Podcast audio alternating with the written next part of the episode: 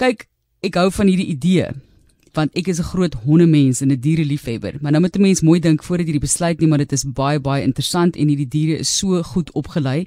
John Grywenstein is 'n genetikus en stigter, eienaar van Brave Heart Bio Honde Akademie en gesels met ons oor persoonlike beskermingshonde. Nou, jy weet John, mense luister nou soos die nuus, is nou die tipiese kliseë van al hierdie bekommernisse oor mense se veiligheid. Daar is mense ons het gehoor van hoeveel ehm um, mense opgegryp word van die straat af en jy weet dan word daar geld gevra vir daai persoon. Al hierdie tipe van dinge so enige vorm van sekuriteit is welkom op hierdie stadium in Suid-Afrika. Ja, Marlies, jy sê dit maar reg in die hond veral baie keer baie onderbenut in hierdie ba baie belangrike primêre funksie vir sekuriteit vir die persoon, die mens en die gesin self. Ja. Ek hoop 'n mens kan ontvoerings en so ook soos ek gesê het voorkom daardeur, maar jy gaan nou vir ons verduidelik eerstens die wisselwerking tussen mens en dier en daai interaksie wat so belangrik is. Moet ek 'n hondeliefhebber wees om byvoorbeeld ek kan nie dink dat jy nou nie van die hond gaan hou nie, maar om 'n persoonlike beskermingshond te hê? Ja, baie belangrik. Dit is belangrike besluite wat die mense moet neem en 'n mens moet uh, bedag daarop wees dat die besluit het 'n langtermyn gevolg. Want uh, 'n mens kry 'n hond uh, veral as 'n mens 'n klein jong hondjie kry, maar 'n mens besef nie vir die volgende 9, 10 jaar loop jy met hierdie hond saam. So, die eerste plek ons sê, wees wys en gaan besin daaroor. Maar as mens gaan sê dat maar weet jy wat, ek gaan hierdie hond gebruik vir uh beskerming, persoonlike beskerming, dan moet 'n mens na 'n paar van die goeders kyk uh wat so belangrik is. En uh dit is byvoorbeeld uh die die ras van hond. Dit is belangrik. Die ja. grootte van die hond speel 'n uh, primêre belangrike rol. So wat ek vir die mense sê is gaan gaan kry eers inligting voor die tyd. Maak dit by mekaar, doen navorsing en dan maak jy jou besluit. Nou, soos jy sê daarso, kyk, ek sê altyd oh, dis nou op 'n hele ander noot, maar as jy net 'n hond as 'n troeteldier wil kry, moet jy seker maak van daardie toewyding wat jy gaan moet toepas in jou lewe tot hierdie troeteldier. Mense dink ag lekker hierdie hondjie kan hom homself speel vir die hele dag, maar dit dit gebeur nie so nie. So maar dis nou 'n gesprek vir 'n ander dag. Die ontwikkeling van taal. So gee vir ons 'n bietjie van 'n idee vir die opleiding en jou kommunikasie met hierdie dier. Baie belangrik wanneer mense dier kry en ons praat nou van persoonlike beskerming, is dit nodig dat ons gaan kyk na wat gebeur. Onthou hier by ons by die mens het ons lekker eh, 'n uh, taal wat ons kan gebruik. O, lekker taal gebruik ons nou vanmiddag nie, is dit nie? En ons kan met mekaar kommunikeer.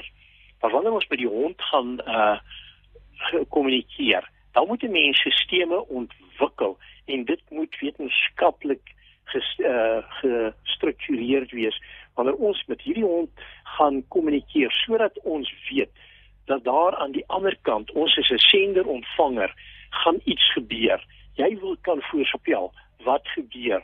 So dit moet nie net lukraak wees nie. En uh dit het oor baie jare uh ontwikkel en die kommunikasie die hond het ingeskakel by die mens né? By die mens en uh die hond as territoriale dier skakel in by die mens. So ons moet goed kommunikeer en daaroor daarvoor is dit belangrik dat ons wetenskaplik daarna kyk en dit korrek hanteer. So kom ons gesels net gevinnig oor die omstandighede waar binne hierdie hond nou moet optree en die feit dat die hond die hele tyd by jou ook moet wees. Ek het vir Ignatius gesê iewers moet ons praat oor die reëls by die werk ook want hoe nou as die hond nou by die huis moet bly en hy moet eintlik nou vir jou beskerm so ons moet miskien maar honde begin toelaat by die werk want dit is natuurlik 'n groot debat vir 'n ander dag maar gee vir ons 'n idee op watter manier gaan hierdie dier jou beskerm. So ek ek sal voordat ons gesels oor die jy verwys daarna as die die menslike stelsels waarby die hond moet inval uh, wat ek dink hulle so goed doen eintlik, maar op watter manier gaan hierdie dier jou beskerm? Gaan uh, hoe weet hy byvoorbeeld dat jy in gevaar is en gaan spring en nou die aanvaller ook aanval? So gee net van 'n idee van die scenario's wat ons nou mee werk. Baie baie baie goeie vraag. Wat hier gebeur? Die hond kom in en vorm deel van jou stelsel, gesinsstelsel, familiesisteem of die stelsel waarin jy self as enkel is ons moet gaan kyk na die hond en sy gedrag en die ontwikkeling. Ons het hier te doen met 'n die dier, uh as ons sommer vry algemeen praat, dis 'n territoriale dier. Maar hierdie territoriale gedrag het subsisteme of komponente en een van hulle is die mens. So die hond is aangepas by die mens. Baie mense dink dit is net daar by jou eiendom, daardie geografiese gedeelte. Nee, ook as jy weggaan, as jy ry en die hond is saam met jou, kom die hond en hy neem jou aan as persoon. Wanneer sou ons dit korrek doen as deel van sy territoriale gedrag? Dan gaan die hond optree en sy gebied beskerm.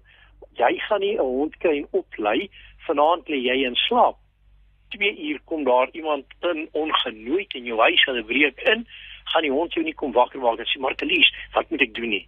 Hy gaan natuurlik moet optree en dit bereik ons dan deur oordentlike opleiding. Opleiding wat ons gee vir die hond en vir die mens om daardie band te vorm. So dis 'n natuurlike band. Die, die hond wil jou beskerm. En dit is krities belangrik dat ons dit besef. Dis net ongelooflik John as ek dink aan wat honde al vir ons kan doen byvoorbeeld. Hulle kan nou al COVID optel. Hulle kan optel wanneer iemand 'n epileptiese aanval gaan ervaar, 'n episode gaan ervaar. Dit is absoluut fantasties. Ek ons nou die dag met iemand gepraat wat waar die hond die suikervlakke van hierdie persoon kan optel. So as sy lê en slaap, die hond lê langs haar en op haar asem kan hy dit ruik. Dit is net fenomenaal hoe 'n hond opgelei kan word om vir ons te help. Baie baie belangrik. Weet jy die akute sintuiglike vermoë van die hond, veral in terme van sy reuk, verstom. Ons het ons eie laboratorium en ons doen baie verfynde werk uh, in terme van 'n substansie om substansie op te spoor. En ja, jy is heeltemal reg. Hoeveel lewens is nie al gered op die vlak van byvoorbeeld kom ons sê springstowwe wat geïdentifiseer word dit wat op 'n vliegtuig moet gaan as ons gaan kyk na die sosio-ekonomiese effek wat narkotika het en 'n hond wat geleer is om dit op te tel en dit te kry en dan het ons 'n proaktiewe situasie want 'n mens kan optree. So die hond daadwerklik red baie mense se lewens internasionaal daagliks.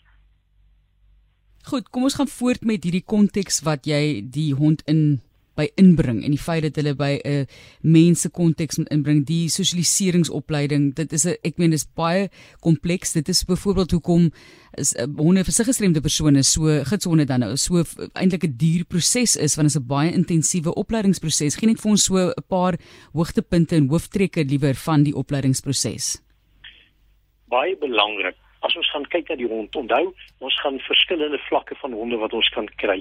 Wat in jou jong hondjie het jy twee komponente waar jy na gaan kyk wat 'n uh, invloed het op die uitkoms en dit is jou genetiese komponent en die omgewingskomponent. Dan het ons veral as ons nou so vry algemeen praat tussen dag 56 en 16 weke is 'n baie sensitiewe fase van aanpassing, sosialisering. Wat gebeur op daardie stadium het 'n invloed wat kan deurtrek vir die res van die lewe. So dit is jou omgewingskomponent. Nou dit is nou belangrik. So ons moet presies weet wat ons doen en hoe ons doen op daardie jong ouderdom sodat ons dit kan na deurtrek in die res van die lewe. Dis belangrik. Die tweede ene is wanneer ons gaan kyk na opleiding. In die opleiding is daar nie meer plek vir die as ek mag stel dit met respek jou oudmodiese forme van opleiding. Daar is byvoorbeeld en ek kry nie in die literatuur navorsing enige iets plek byvoorbeeld vir die straf of die negatiewe komponente nie wat baie mense wel nog toepas en dit is soos 'n geforseerde vorm van opleiding wat 'n mens bring. So 'n mens moet baie versigtig daarvoor wees.